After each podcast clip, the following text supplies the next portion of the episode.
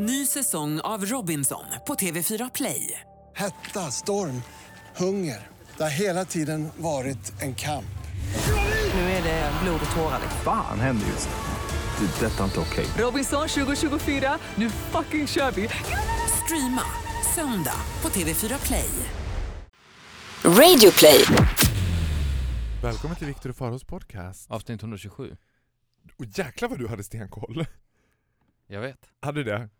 Ska jag kolla? Den här podden kommer bli, det här avsnittet kommer göras i en helt annan, det kommer finnas en helt annan spänning mellan dig och mig eftersom det har kommit in ett, ett ytterligare ett ytterligare en nyans i paletten vi kallar Viktor och Farao. Vad? Idoldyrkan. Jag har ju upptäckt att your music isn't that bad, it's actually pretty good music. And then on top of that I realized, my god, bitch is famous!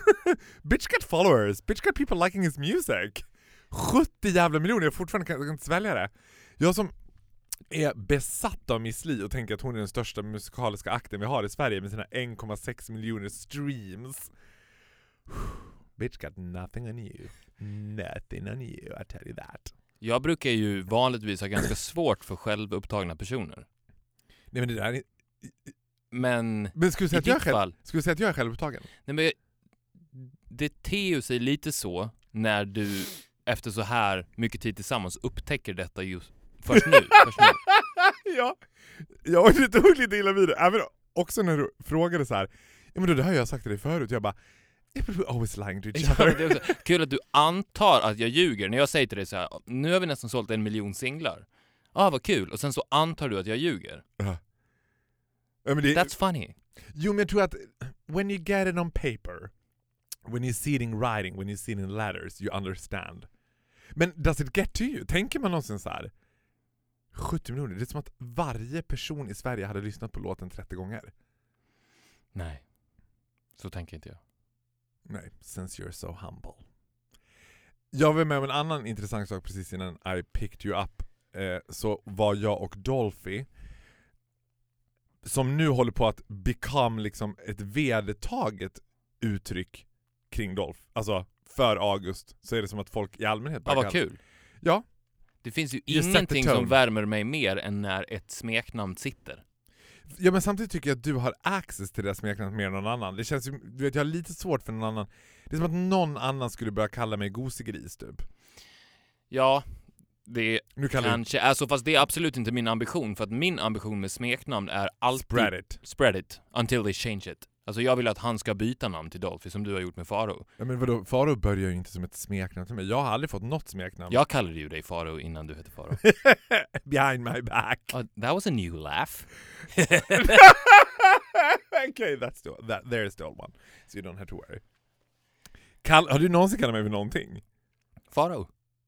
Did you do that behind my back before I changed my name? Det var väl därför du bytte till Faro, eller? Ja, för att jag tänkte, I better just stick to it. Nej men King and Queen, no, he's Pharaoh. True. Och då var jag och Dolphy då i morse och åt en mysig brunch på Greasy Spoon som är ett nytt trendigt brunchställe i trendiga Birka slash Vasastan. Precis på gränsen till ditt älskade Östermalm. Börjar du gråta nu? Nej! ja, men jag satt i halsen, det är därför jag skrattar Du konstigt. börjar bli emotional när du pratar om Östermalm. Nej, du, This is du- a new side. Vet du vad? You will never ever ever ever get me there. I might like your music, I might like your personality, and I do like your body, but your choice of local place to live, not my cup of tea. I see. Östermalm, keep it for yourself. However, det här Greasy Spoon, har du varit på Greasy Ja. Spoon? Och käkat? Ja. Did you like it? Yes. För jag tänkte när jag var där, det här skulle Victor inte heller gillat. I fucking hated it. Jag var så provocerad, och det var Dolphy också, tack gode gud. Vi tycker väldigt lika. Jag tyckte, det var, jag tyckte det var extremt provokativt. Alltså bara den här grejen att alla som jobbar där går runt i hängselbyxor och är too cool for school, pratar släpigt och on top of that pratar engelska. Nu kan man tro att jag, eftersom jag slänger in engelska ord här och där, gillar det. Nej. Jag gillar inte, för jag tycker att det känns, jag tyckte att det kändes ogenuint. Det kändes som att egentligen pratar de här, det var som att de pratade engelska med svensk accent. Jag bara, varför pratar de engelska? What's the thing? Ja men det där är ju faktiskt intressant för att jag är helt övertygad om att Stockholm är nog den enda staden i hela världen där man kommer undan med att inte kunna språket och det är fine. Ja. Alltså att du kan bli anställd, men jag kan inte ett ord svenska, spelar ingen roll. Det är tvärtom, det är någonting positivt. För att svenskar Ja. som möter en servitör eller servitris som bara Hi guys, how are you? På, en, på ett svenskt ställe i Stockholm. De uh, cheer up, Ja, du ser. Nej, vet du vad? Det är precis exakt, du har exakt eh, 100% rätt. I Sverige får den där saken motsatt effekt mot hur den har fått i andra länder. Där tycker de att det är, det gör ju halva grejen. Det är så coolt. Det stod en tjej framför mig, Greasy Spoon har också en grej om att man inte kan boka bord. Det här är också någonting som jag får fram att svenskar älskar, som jag har sett all over town lately. Det är sådana här konceptrestauranger med jättekrångligt här. Du ska beställa på ett ställe, ta ett bestick längst borta på ett ställe, sen hämtar du kniven i en liten jordhåla under, det finns en mullvad där som håller våra knivar. Liksom, det är så här procedures kring hur du ska... Det här sitta ner, få en kypare, beställa maten, maten kommer, du betalar, du går. That doesn't exist anymore. Så då har Greasy Spoon bland annat att man kan inte beställa bord där. Stället är omåttligt populärt på helgerna så att det är superlång kö utanför. Och folk är jätteirriterade och, och den där tjejen som bara Hi, hi guys. Det var också det här som gjorde att jag inte I didn't trust, I trust her for nothing. För jag kommer in och säger så här, ah, hur lång tid är det att vänta på bord? Hon bara I think it's about an hour, maybe half an hour. I would say half an hour, be back at like quarter past twelve. Can I get your name? Och jag bara, it's Pharaoh. F-A-R-A-O. Oh that is an amazing name, I love it. I really love it, cool name. Sen varenda gång jag kom in, alltså med 10 minuters intervall och frågade hur går det med bordet? Hon bara, ah, what's your name? Jag bara, Farao. Hon bara, okej, okay, kolla. Jag bara, men alltså, if I have that much of an unusual name, hur kan hon glömma bort namnet var tionde minut? Men då tjejen som stod före mig i kön, hon bara, ah, so what, what is your name? Hon bara, ah, my name is Mikaela. Jag bara, vänta, Mikaela? Du heter väl Mikaela? Du vet, alltså måste svenskar älska att få prata amerikanska så mycket som de bara, my name is Mikaela. Jag bara, nej men alltså antingen är det väl Ja men and I'm one of them. And so are you. Nej Så men jag säger My name is Farao. Jag säger inte My name is Pharaoh. Gör du. Okej. Well, du säger ju till och med My name is Pharaoh när du pratar svenska, Ja. så att säga. True. Nej, men det är ju intressant med svenskar och restauranger, för det är ju dels det, att svenskar älskar när Mhm. Servitören slash servitrisen inte pratar svenska. Och sen så, en annan grej med svenskar på restaurang är att det finns ju heller inget annat folk som har sån respekt för servitörer och Ja. servitriser. Ja. Nej, men- Var man än åker i hela världen, så direkt man kommer in på en restaurang, folket som kommer in på restaurangen är ju direkt så här. nu är det jag som har makten. And you are You are my servant. You are my servant. De beställer bärstol från entrén till bordet typ. Men av någon konstig anledning så har svenskar en enorm respekt för just det yrket. Ja, men bara en sak som också känns som att det bara kan hända i Sverige. Det är att man kommer in på en restaurang med väldigt så att säga glest mellan borden. Mm. Och kyparen säger Ja, vi har ju väntetid nu på listan för att det börjar fu- bli fullt. Och man ser så här, there's no one there. Och man som svensk bara Okej, hur, hur länge ska vi vänta? Ja, absolut ingen fara. Vi, ska vi stå utanför då och vänta kanske tills du, du vet så här, foga sig? Jag bara, men vad i helvete, du ser, det finns hur många lediga bord som helst. Mm. Interesting. Interesting people. Du, jag funderar på en grej. Vad har du för relation till konspirationsteorier? Tror- tror att vi aldrig har pratat om det. Nej, det har jag faktiskt inte gjort. Intressant fråga. Jag vet inte riktigt. Alltså, jag tror ju på konspirationer, men För att du känns ju som en sån person, om jag får säga det då. Som vill konspirera? Ja, men som också är helt övertygad om att vi har aldrig varit på månen, till exempel. Du känns som en person som köper konspirationsteorier. Ja! Med hull och hår. För att Ja. du hung- för att du är hungrig på spänning. Men vad är en konspirationsteori då? Ja, En men det är väl den mest klassiska som finns. Jo det är det ju, men, men kan man, om jag, ett Du kan ju exempel, konspirera om vad som helst. kan jag ge dig exempel på en konspirationsteori, se om det är en konspirationsteori? Mhm. Att USA skulle ha vetat om 9-11 innan det hände, var det en konspirationsteori? Superkonspirationsteori. Ja men då tror jag på den. Att Estonia sprängdes och sen sjönk, I believe in it. Ja, du ser. Estonia fraktade ju okänt liksom, kärnvapenmaterial mellan öst och väst. Därför var man tvungen att spränga Estonia för att det började läcka så att säga. Mhm. Men då har jag en här för dig. Okej. För jag hittade en. Faro, you're not gay. Finns det en konspirationsteori kring mig tror du? om att du inte skulle vara gay. Ja. Det skulle ju kunna existera eftersom du på något sätt ställer dig utanför det lilla den lilla homosex-communityn som finns där du figurerar i Stockholm. Du drar ifrån Pride varje år. Mm. Det här att du bara, jag- att du bara dejtar unga killar skulle kunna vara en täckmantel. Du har väldigt mycket snygga tjejkompisar. Where they usually have. They No. all do. Jag har inte Not the gays that I follow. Man skulle kunna konspirera kring det, absolut. Ja, men, men- det är inte min teori att du inte... Of course you're gay. Berätta om din teori då. För you have something here, up your sleeve. I have. Mhm. Det har ju lite med gays att göra också. Jag, jag har lyssnat, eh, den senaste tiden har jag lyssnat ganska mycket på ABBA. Great band. På riktigt? Ja. Är det sådär så att du har liksom gått in och lyssnat på också, inte bara ABBA Golden Hits eller ABBA More Golden Hits, utan till och med kanske någon gammal dänga som... Absolutely not. det, det är bara ABBA Top, Gold. top hits på Jaha. Spotify. Det är inte liksom Nej. I've got appointments, work Det I skulle jag aldrig to göra. Det skulle jag aldrig göra med någon. Keeping me so busy all the day through. Men de, är de gay icons? Så, så här, det intressanta med gays i eh, generellt också är ju att det finns ju väldigt mycket lokala gay icons. Mm. Alltså man kan ju vara a global gay icon, läs Madonna, Lady Gaga och de där. Mm. Men sen finns det lokala gay icons, ungefär som Kylie Minogue är gigantic among gays in England. ABBA var ju inte riktigt stora bland bögar i Sverige och har- blev aldrig stora bland bögar i Sverige. De är stora bland bögar i England, men de är you fucking mungus among bögar i Australien. Ja, du ser. Australienska bögar, ABBA hade sin första fanclub i Australien, de har ju yearly ABBA festival, de är galna i... Eng, eh, australienska bögar är galna i ABBA. Och vad kommer konspirationsteorin då? Jo, då, för då började jag Björn och fundera. Benny bögat. jag började fundera på ABBA. Mhm. Oh, you, you're close here man. Ooh. För att jag, jag tänkte så här, det här är ju ändå världens största popband. Mm. Men Du jag, klassar inte Beatles som popband? Det var en öppen fråga, det var, jag, för jag kan inte Beatles. jo, det kan man väl säga att de också är. Men, det, det, är ABBA lite- är väl mer renodlad pop. Ja. Jag skulle ju aldrig säga att de var ett rockband. Nej. Beatles skulle ju kunna Beatles ha varit ett rockband, ABBA Ja. var ju mer candy pop, Ja. Pure pop. pure pop.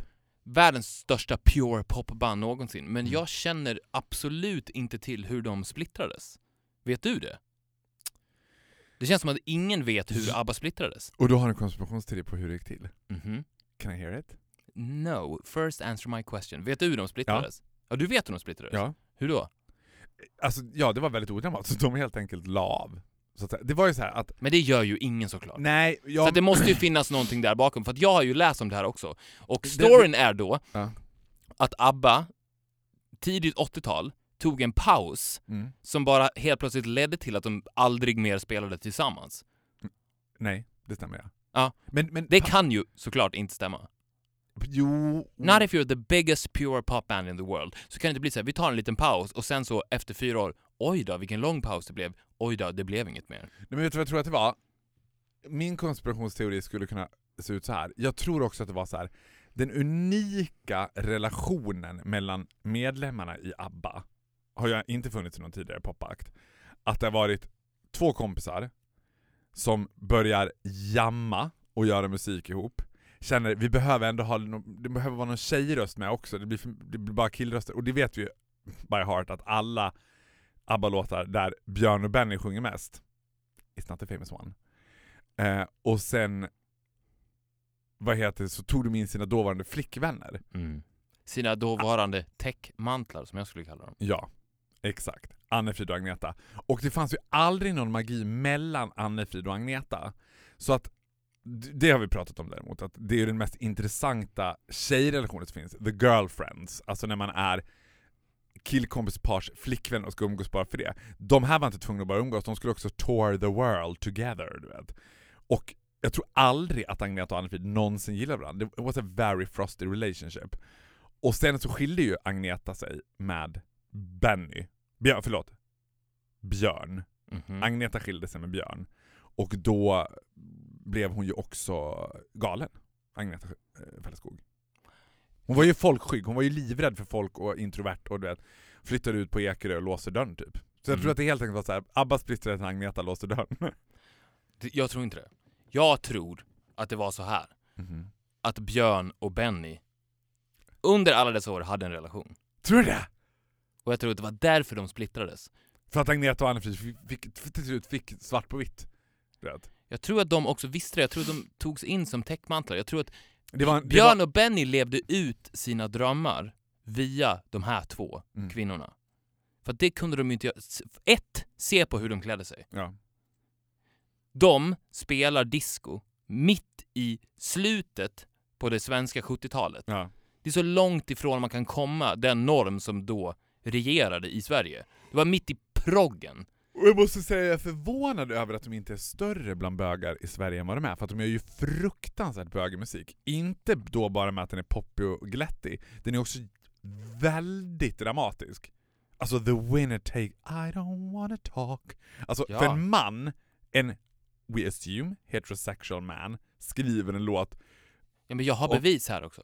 Har du? Ja. Att jag, har du bildbevis på... jag har inte bildbevis, men när jag började tänka på det här så började jag läsa deras texter. Och där, Knowing me, knowing you, there is nothing we can do. Knowing me, knowing you. ja men det finns ännu mer tydliga, det är inte ens ledtrådar. Det, det, Det är pang på. det är pang på. If you change your mind, Nej men här, be the first in line. det, alltså Björn och Benny har skrivit alla texter, också i ett stängt rum. Mm. Ingen fick komma in. Nej. Jag, jag kan bara name-droppa lite snabbt några lines från deras mest kända låtar. Mm. Gimme gimme a man after midnight. Vad säger du om den till exempel? Ja. Gimme gimme a man after midnight. Det är alltså Björn och Benny som har skrivit den. ja. Eh, money money money. Då skriver Björn och Benny så här. A man like that is hard to find. And I can't get him off my mind. Ain't it sad? If he happens to be free, I bet he wouldn't fancy me. And if he happens to be free I bet he wouldn't fancy me. That's too bad, cause in my dreams I had a plan. Det finns mer. If I got me a wealthy man, I wouldn't have to work at all, I wouldn't have... Exakt. Det, det finns... eh, De skrev även en låt som heter Me and Bobby and Bobby's brother. Cause there was me and Bobby and Bobby's brother. Ja, och då sjunger de så här Please take me back to that place Where I got all my memories Those were the happiest days. Och vet du vad som är speciellt med me and... Cause there was me and Bobby and Bobby's brother. Det är ju att det är en av de få låtar där faktiskt Björn och Benny sjunger mest. Ja, du ser. Och här då, men nu... sista exemplet. Men, men- sista exemplet, Ja, ska- för det här, it's pretty obvious. Okej. För, för, för det här tycker jag, det blir inte mer jag obvious. vill nästan Man giss- skriver inte Jag de vill här... nästan gissa vad det är för låt. Ja. Eh, pretty obvious. Kan det vara Under Attack? Nej, Var det pretty close to Under Attack, I'm being taken? nej, nej, nej. Det här är en ganska lång, det här är ett ganska långt citat. Mm. Men det här tycker jag ändå på något sätt är spiken i kistan. Tror du att jag kommer kunna låten? Ja, det, det kan du säkert. Säg bara citatet först då. Jag, jag läser det för det här. One of these days I'm gonna tell him I dream of him every night. I was in a trance when I kissed the teacher. Suddenly I took the chance when I kissed the teacher. Leaning over me, he was trying to explain the laws of geometry. But I couldn't help it. I just had to kiss the teacher. Ja. Nej, men det blir inte mer homoerotiskt än sådär. Men finns det här, is this a proven liksom, konspirationsteori? Finns det, och när du har liksom searched the world wide web, finns det andra som delar den här konspirationsteorin? Eller är du, ska vi säga, do you stand alone? Jag tror att jag stand pretty alone. För det är ju konstigt att Det är ingen som har, jag tycker det är konstigt att det är ingen som har grävt, eh, när det, när det är så uppenbart i texterna, 'Give me a man after midnight' som, som Björn Benny då Mm. säger. Eller varför inte låttexten There's not a single episode of Dallas that I didn't see. There was not many guys watching Dallas at that time. You see. There was not a single episode of Dallas that I didn't see. Men kan det vara så att de lurade en hel värld med det extremt enkla gaytricket att skaffa sig en setup girlfriend? Precis. Och det var, You där, vadå, det var därför Agneta och Annefrid, ett, inte gillade varandra, två, var så himla svårmodiga. Annefrid var ju inte så svårmodig, men Agneta, alltså du vet, googla svenskt svårmod, de första fyra bilderna du får upp är Agneta Fältskog. Mm. Men det är klart att det inte kan ha va- varit lätt Nej, att leva i det mörkret. Alltså, säg så här att du och Dolphy Ja. skulle starta ett band Mm. Och det här är också en, en helt annan tid. Det var Mm. inte alls lika lätt. Du vet, du vet väl själv att det inte var lätt för bögarna på 70-talet? Nej. Det vet du väl själv? I wasn't around on the 70s. I might be old but I'm not that old. But you've read books. True. Det Ja, var, det, det, var, Dolphy det var ju så att säga faktiskt sjukdomsklassat på 70-talet. Du ser. När ABBA slog igenom, då var homosexualitet fortfarande en sjukdom. Och vi har ju ofta pratat om den här euforin som du konstant är på väg till och som du ofta känner och pikar i när du är på klubbar i Manchester. Ja. Och det stadiet av ren eufori var ju såklart mycket, mycket svårare att uppnå då eftersom det var sjukdomsklassat. ja, ja. Om det ens var omöjligt skulle jag säga. Jag skulle säga att också att det var omöjligt. Så Björn och Benny skapade det själva. När de står där på scenen, Mm. två täckmantlar framför dem, som också är, man, säger, man ser ju att de här, det är inte de här två som säger det här. Men om du bara reser på huvudet lite, titta på pianot, titta på gitarren. Ja, Där ser du två väldigt glada män. ja. Som gör vad? Tittar på varann hela tiden. Mhm. So baby give me one last dance Men det som jag tycker är intressant med hela den här eh, konspirationsteorin är ju då att det skulle ju betyda att en rädsla för att komma ut Mm. och en homofobi som ligger som ett täcke överallt här har lett till världens bästa poplåtar. Ja. Om du skulle säga att För ABBA... att sö- jag tror att, att drivkraften i ABBA var sökandet efter den euforiska kicken som enklast kan beskrivas genom att titta på dina klippbilder på Instagram från Ja. Manchester. Det tillståndet. Och det kan endast, upp, endast uppnås då om du skapar det själv Mm. och har med dig täckmantlar. Men får jag fråga dig då, om man skulle säga att du av dig och mig ändå är någon typ av musikaliskt orakel med dina, nu citerar jag, 70 miljoner streams. Superstar. Ja, men det är bara på en låt. Ja men strunt. Ja det är bara på en låt så det är helt otroligt. Då kan du räkna ut vad de andra låtarna. Var det, var det någon, du sa att du hade börjat lyssna på ABBA recently, var det någon låt där du kände såhär, det här är jävligt bra alltså. Fan vad bra de är. Ja. And I wanna know one song in particular, inte bara, jag tycker alla låter ganska bra. ja, jag vet vilken det är. Dancing Queen. Friday night and the lights are low Looking out for a place to go Hur stor är chansen att State of Sun kommer göra en cover på den? Den är inte så stor tror jag. Det är 'Cause svårt. you are the dancing queen Men du, den skulle ju kunna gå och göra lite så här.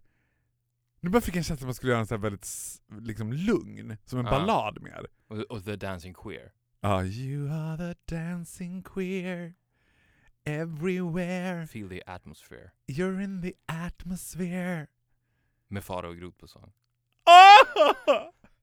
ja, men jag, är inte, jag är inte riktigt så bra på att sjunga. Jag tror på din konspirationsteori. I believe in everything you say. Mm. Vet, jag har börjat med en Viktor-grej skulle jag säga. Jag har börjat med en procedure som gör mig lycklig varje morgon. Vi har ju pratat om att du och jag har ganska... Eller, ja, nu ljög jag, vi har inte alls lika morgonrutiner. Vi har ju en morgonrutin vi har pratat om där vi är väldigt lika, både du och jag. I övrigt så känns det som att vi lever fundamentalt olika liv på morgnarna. Mm. Vi- Vilken morgonrutin pratar jag om? Som både du och jag gör. Som är ovanlig. Jag vet inte. Duscha kallt. Sant. Som alla gör. Fast jag duschar i och för sig kallt och varmt. Ja, nej jag duschar is, bara alltså det är iskallt. chockterapi. Ja men då räcker det med kallt. Det är inte så att jag står, jag står inte i duschen och bara ah. Nej, för att om du duschar iskallt Mm. så att det chockar kroppen och sen direkt går över till så varmt det bara kan bli så chockar du kroppen 2.0. Ja, men det känns lite som smack my bitch up, som att nu jävlar ska kroppen få veta att den lever. Det är väl det som är poängen. True. However, eh, så slog det mig så här, att är det någon gång när jag har lätt att komma upp, oavsett vad det är för tid på dygnet, alltså det jag flyger upp på raska små fossingar och bara kastar mig ut för att möta världen, så är det ju i samband med att jag ska flyga. I synnerhet if I be flying mit der Deutsche Lufthansa. Den där, för då kan du flyga grisflyget som går sedan 06.35 från Arlanda. Då måste du åka hemifrån vid fem på morgonen. Men du är ändå uppe, du, och du mår ändå bra, du känner dig ändå pigg. Mhm. Nu pratar jag om folk in general eftersom du varje morgon är uppe vid fem. Men vanliga människor, du vet. Du kommer på den bästa grejen, det här gör jag nu varje morgon, har gjort hela den här veckan, för att se om jag mår bättre. Och jag mår så jäkla bra, alltså jag känner mig som I'm flying. Literally. Varje morgon sätter jag mig i bilen, har tagit med mig en take away-kaffe i min Lufthansa-mugg som jag snott från Lufthansa. Sen sätter jag på, istället för att sätta på liksom High Love eller Wake Up Where You Are som jag vanligtvis alltid sätter på i bilen, så sätter jag på Youtube har alltså Lufthansas security announcements. Så hela vägen hemifrån till mitt jobb så hör jag bara eh, du, gud, nu, nu fick jag tunghäfta. Men då hör jag Lufthansas security liksom Mm. Hur kan du inte Vielen komma ihåg Dank den? für Ihre Aufmerksamkeit, meine Damen und Herren, und einen wunderschönen guten Abend und herzlich willkommen bei der Deutsche Lufthansa und Star Alliance. Wir wünschen einen angenehmen Flug mit der Lufthansa und Star Alliance. Dankeschön för eh, Ihre Uppmärksamkeit. Och då, när du hör den där liksom spelande hissmusikgrejen och den där distinkta rösten som berättar exakt How important it is to put your mask on yourself before you have uh, help other travelers. Remember if you have any hand luggage it should be stored in the overhead compartments. Du vet, I'm on my way to Frankfurt. Ah, ja, Jag är inte på väg till Kungsholmen. jag älskar det här. Varje morgon är det som att jag bara... Jag skulle rekommendera alla, börja åtminstone två, tre månader och lyssna på ett... Any random, det behöver inte vara Lufthansa, ni kan ta vilket flygbolag som helst. Because they're all there on YouTube. Lyssna på hela deras security announcement, så kommer det kännas som att I'm flying. Ja, men det, det är ju det där som är nyckeln till allt. Ja! Och, Jag har eh, lösningar på allt. ja, men det där, och jag älskar det där så mycket. Precis det där när man lyckas lura livet, för det är ju det det handlar om. Ja! Du måste ju konstant ta kontroll över livet och sen så Det finns lyckas ingenting som en mytoman älskar mer än när jag också lyckas lura mig själv. Det är de som grejerna som... Ja, Those are the Ja, men det är higher ju det jag menar med att lura Ja. livet. För att du måste ju då vara mottaglig kring det här om att skapa en illusion i tillvaron också. Om Ja! att du är på väg to a higher place. A higher love. Alltså, jag kommer ihåg det avsnittet du pratade om att fantisera. Alltså, Mm. det har förföljt mig sedan jag var liten att fantisera. Och det finns, alltså, du vet, jag märker att här, det finns inget mer avtändande än folk som är realister och som är nöd, alltså som Ja. hela, tiden måste va, hela tiden måste poängtera realism. Att jag bara, ja, but you're not living. Du Nej, kan fortsätta göra det du håller på med, but you're not, you, liksom, while you're doing it, life is happening. Det är därför jag så här, nu bara kastar jag mig från en sak till en annan. En grej som, jag vet inte, du kollar säkert inte så mycket på TV, men IKEA har gjort väldigt mycket reklamer nyligen, som en tång liksom av reklamer, med sloganen 'Där livet händer'. mm. Men en så, ja, och från början tyckte jag att de var så himla bra, jag tyckte de var briljanta. Jag tycker ofta IKEA lyckas göra jäkligt bra reklamer. Men nu tycker jag så här, de porträtterar ju bara något sorts tråkigt vemod, där livet händer. Alltså det är bara skit, livet är bara fan vad drygt, bråka med sina föräldrar, ha he- hemmafest som spårar ur, eh, flytta mellan två familjer, det är bara skitdelen av livet. Det är ju inte som att Ikea någon gång har porträtterat det glada i livet, där livet händer. De skulle porträttera mig dancing on a party in Manchester och så bakom står en lampan Fårö, typ något sånt. Där livet händer. Ja, men det är intressant eh, att du tar upp IKEA också för att nu, nu kastar vi oss verkligen rakt fram In och tillbaks. I den dit. svenska. Nej men för jag funderar på Det är reklam. det vi gör. Jag undrar om folk har kollat vad reklamen gör för effekt idag på människor. För jag tror att vi har kommit till ett stadie då reklam kan ha en direkt motsatt effekt. Där du för 20 år sedan så blev du lätt hjärntvättad av Mm. Coca-Cola som ledde till att du sakta men säkert blev sugen på Coca-Cola. Jag tror på antireklamen idag. För att eftersom du blir så överösad av reklam hela tiden.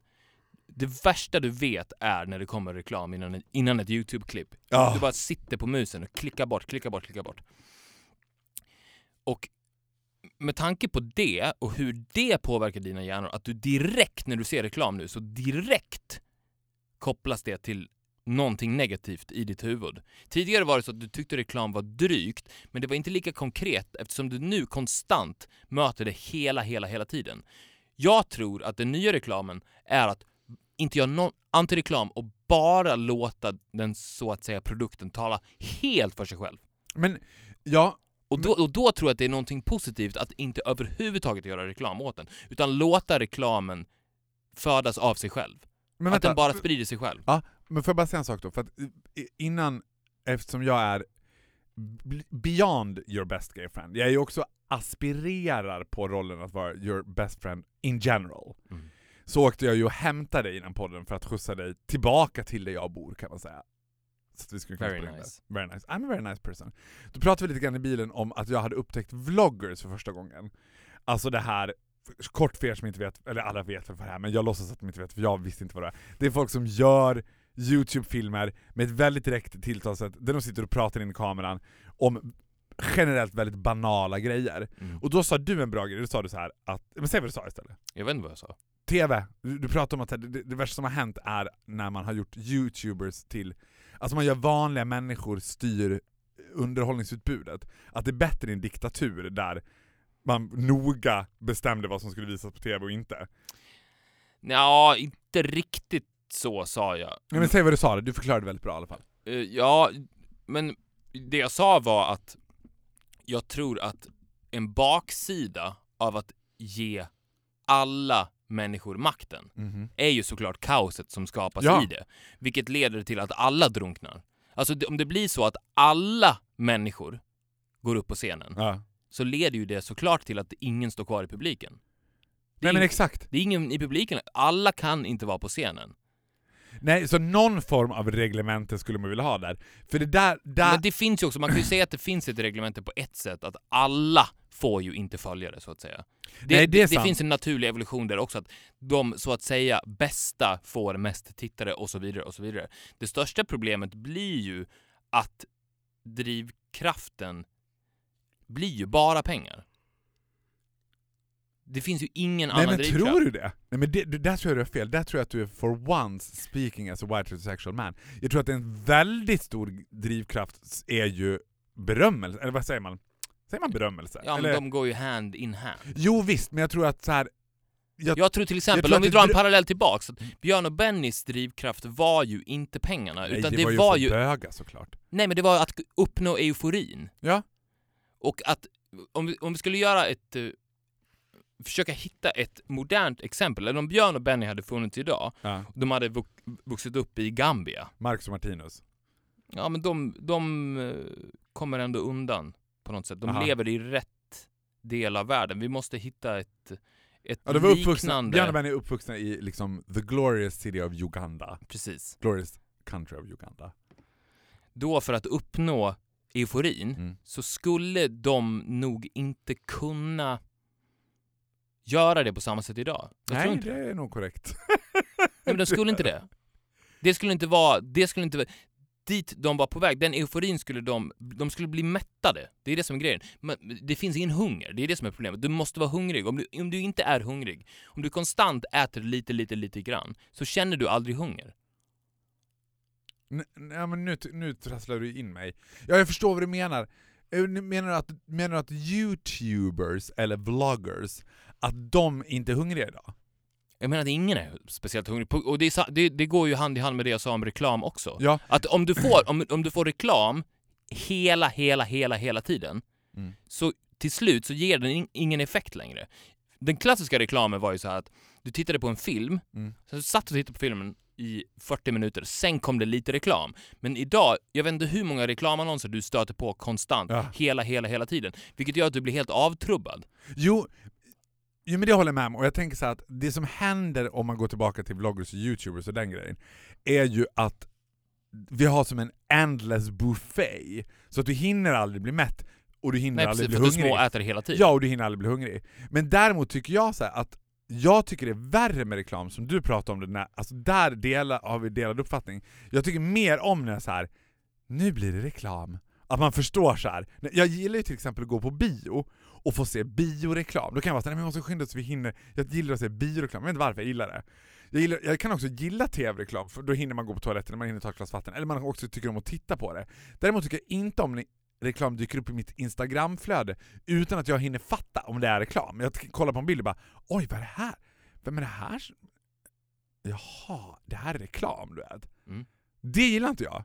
Nej, det är som men att du säger att du gillar den att reklamen bara får, får flyta det, in. nej, nej, nej, du och jag håller med varandra. Det är precis det jag säger. Jag hatar den reklamen. Och det är det jag menar. Ja, man att det- vill ha den här nu. Nu blir det reklam. Vi kommer säga till dig när reklamen är slut. Fast- Det skulle jag också vilja att de sa till en, nu är reklamen slut, nu är det inte reklam längre. Ja, ja för då, i, i en annan tid, för för att nu funkar det ju inte så längre eftersom folk Mm. tittar ju inte på TV. Man kan inte, alltså man måste ju, de som vill göra reklam för någonting måste ju vända sig dit människorna är. Mm. Och de är ju då på till exempel Instagram. Så då måste de lägga reklamen där. Men de applicerar ett gammalt tänk. Det är det jag menar. De applicerar det gamla tänket om att nu är det reklam och då är folk mottagliga. Men när det då folk konstant blir matade hela, hela tiden så får den en motsatt effekt. Du börjar hata Ramlösa istället. Jag kommer aldrig mer köpa Ramlösa i hela mitt liv när du ser reklamen för det.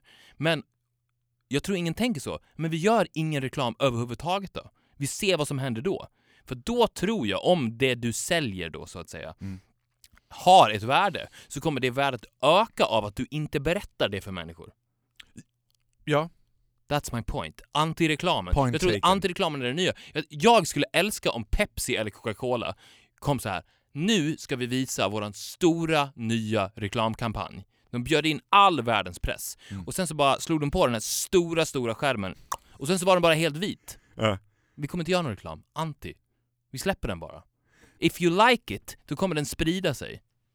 Ja, Ja, för att jag tycker att det, det har blivit nästan som en kvalitetsstämpel att när, när jag ser en reklam så tänker jag att det där kan inte vara bra nog. För att om det var bra nog så skulle det sprida sig av sig själv. Då skulle Fara och Groth lägga ut det på Instagram utan att någon betalade honom för att göra det. shut up.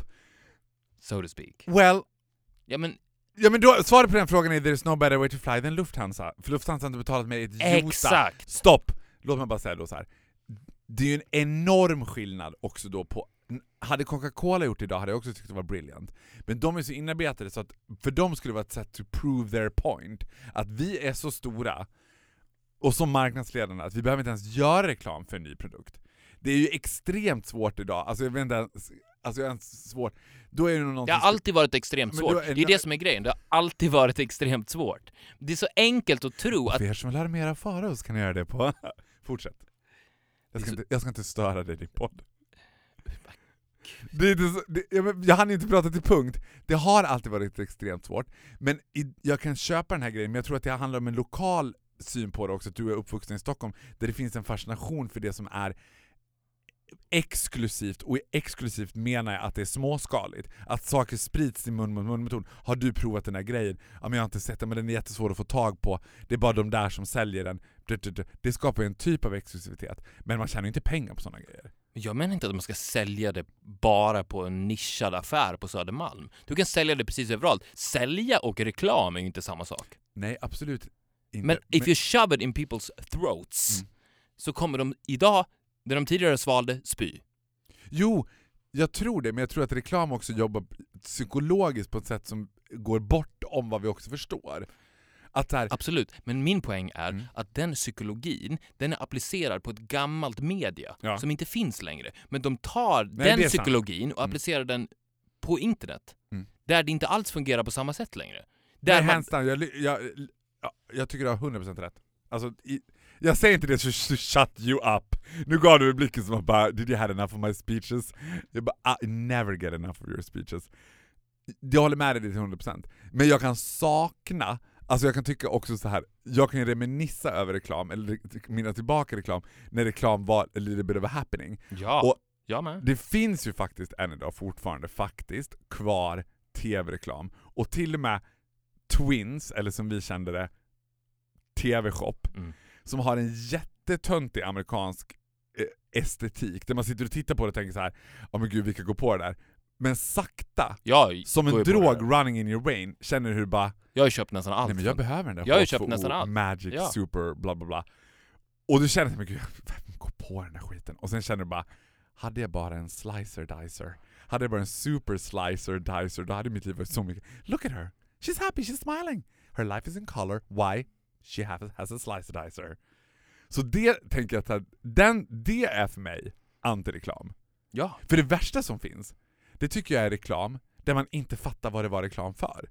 Det, det, det, det, känns, det känns mer som en typisk svensk grej också. Att, så här, att man gör såna här, det känns som att Sverige gillar att göra stora svulstigt känslosamma reklamer. Om du tittar på tonaliteten som är i IKEA-reklamen Mm kontra tonaliteten som har varit i Volvos reklam då senare, när det var Zlatan som bara Du gamla, du fria, du fjällhöga nöd. Du vet. Det är ganska samma ton, det är samma ljussättning, det är samma väldigt svulstigt. Men blir du sugen på att köra Volvo? Nja. Blir du sugen på att åka till Ikea? I don't even saw the lamp. Vet. Nej, men jag hade också älskat om de hade gjort, producerat den IKEA-reklamfilmen, men inte skrivit IKEA på slutet. Men jag hade tyckt mycket bättre om det var så här färgglad liksom, reklamfilm med Zlatan där han bara Ja nu satte jag med nya Volvo V40. Så skonsam för ryggen sen. Har du Ja. också haft problem att fickparkera? Idag fickparkerar jag hur lätt som helst Absolut, med ett enda det hade litet jag också älskat. Alltså att man bara, alltså det var så här super... Vet du vad, vilka som var mina favoritreklamer när jag var liten? Det var de här, typ, de kändes som att de var tyska eller österrikiska. Och det var ofta reklam för rengöringsmedel, dubbade till dålig svenska. Men en tjej som alltid avslutade, det var typ Ajax eller något sånt, och så avslutade och ställde sig som ett ex och bara Nu är hela fjällstugan städad, Ajax. Du vet de som var dubbade, Mm. Toffifee eller vad, vad det också var. Love it, jag tycker det var så mycket bättre. Jag är för öststatsreklam, alltså det man vet att nu är reklam, nu är det inte reklam. Ja. Nu ska jag fråga en annan sak. Du ska, jag bara ska kasta ett nytt ämne på dig och, och berätta om. Som jag också har funderat över. Om man generellt och generaliserade hårt skulle göra en undersökning på folks psykiska välmående. Tror du att folk som var slightly above average snygga skulle må psykiskt bättre än folk som var slightly under average fula? Du pratar alltså folk som är ganska fula och folk som är ganska snygga. Och du tänker att slightly är ett nyckelord här? Jag vill säga folk som är... Nej, men, nej vänta, nej. För att i så... Vi tar Ja, bort slightly. Folk som är snygga, tror du att de mår psykiskt bättre än folk som är fula? Vi gör det enkelt. Det är svartvitt. nej. Om du, om, om du lägger till slightly, som du gjorde först, Mm. då tror jag att de som är slightly snygga mår bättre än de som är slightly fula. Mm. Tar du bort slightly, Så att de är grisfula eller... fula och snygga, då tror jag att de fula mår bättre. Utveckla. Explain why. För jag tror att de, om du är snygg Mm. så tar det över ditt liv på ett sätt som är ganska obehagligt. Mm. Det blir någonting som snor så pass mycket energi av dig att du kan till slut inte fokusera på någonting annat, vilket leder till att du mår dåligt. Om du är ful på det sättet du sa, Vi beskriver inte vad som är fult, men alltså ful. Ja. Man ska vara liksom... så "Ugh." tror jag att du, om, speciellt om du har vuxit upp med det, Mm. så tror jag att du har lärt dig att inte bry dig om det. Mm. Vilket leder till att resten av livet öppnar upp sig för dig. Du är ungefär som en rökare. Om du röker så är det cigaretterna som betyder någonting för dig. Ja. Om du är nikotinist. Det, det är ciggen jag vill ha. Det kan jämföras med att vara snygg. Mm. Det är cigg. Det är det enda jag bryr mig om. Sen så har du icke-rökaren som har allt annat i hela världen. Rökaren har ciggen Ja. och han som inte röker har allt annat. Och det tror jag med fula och snygga också. Men tror du att... Men, men, men det måste ju finnas snygga som mer eller mindre mot sin vilja har blivit snygga också. Som bara, för, för den där teorin är, är den som jag också baserar samma argument på. Att snygghet också tar mycket av ditt utrymme, det tar mycket tid att vara snygg, det tar mycket tid för man ska Ja men också drömmen är ju att inte bry sig överhuvudtaget. Så- Alltså genuint inte bry sig överhuvudtaget. Jo, men jag tänk- Såklart! ja, men jag tänker på den här happy go lucky, the happy camper. Den Men som bara, Vadå, en good looking pig? Ja men exakt, a good looking cutie pig. Alltså, jag tittade på, någon, en kväll så jag tittade på Fråga Olle dokumentär, Fråga Olle var en sån här sexdokumentärer. Mm. Och alla, oavsett om det är Fråga Olle eller vad det är, alla som håller på med någon typ av sexuell explicit aktivitet, typ sån här eh, ponyplay eller liksom, rollspel eller BDSM eller vad det är, är generellt sett, nu generaliserar jag hårt, ganska fula. Man tycker att de, sådär, de ser ganska liksom, but they enjoying every second of their lives, they enjoying sex, och being a guy who's been around ugly people do try harder than ugly people is a bad fuck. Alltså jag har legat med riktigt snygga modellkillar, baddest sex I ever had. Ja men för att de plockar ju aldrig bort sig själva ur ekvationen. De kan ju inte gå ur sig själva såklart. Ja. I den akten mellan dig och den här supersnygga Plus- killen så är han alltid viktigast och det är ju såklart ett gift för honom. Precis som med rökaren, det, det viktigaste är ciggen. Och att jag Du tänker kommer så här- tvåa. Och jag tänker att de också skulle vara stressade av den här känslan att beauty fades. Att de skulle så här, om jag är snygg nu, kommer jag vara snygg om två år också? Kan jag vara, kan jag vara säker på att så här, Mm. eller ska jag bara, du vet. Men då tänkte jag själv att jag är ganska happy-go-lucky, alltså jag är ganska, jag har inte särskilt mycket body issues eller du vet. Betyder det då att jag är slightly ful som gör att jag liksom, att jag är en happy pig? And if I am slightly ugly, I'm completely fine with that. Det var inte en fråga, det var mer liksom Okej, jag ska inte svara. Nej! jag kände inte det hängande svaret bara Am I really ready to find out what you think? jag kan ju se så här. Det här skulle vara my advice to all of you out there som, som har de här, eller som liksom har concerns och något här. Jag känner mig snyggare nu än vad jag någonsin har gjort, och det är baserat på att jag har slutat bry mig. Du ser. För att om jag tänker på hur jag var när jag kanske gick på högstadiet eller på gymnasiet så var jag så himla concerned över vad folk skulle tycka. Det var mycket fiffande och grejer och kläder och hår och du vet. Och när jag tittar på mig själv så tänker jag bara "Ah, Du ser bara ängslig ut. Det där ser bara ängsligt ut med de där lila fuskpälsarna och grej och läppglans och hår och svart ena dagen och rött andra dagen. Du vet så här. Och nu bara I'm blonde, I let my hair down, I enjoy a good meal, I have a little bit of alcohol every now and then. I'm a happy pig. Jag håller med. Ja. You are a happy pig. I'm a happy pig. Och med det så ska jag väl säga Vielen Dank för eure Uppmärksamkeit och vi wünschen er einen angenehmen Flug mit der Deutsche Lufthansa und Star Alliance. Ciao. Ciao. Auf Wiedersehen.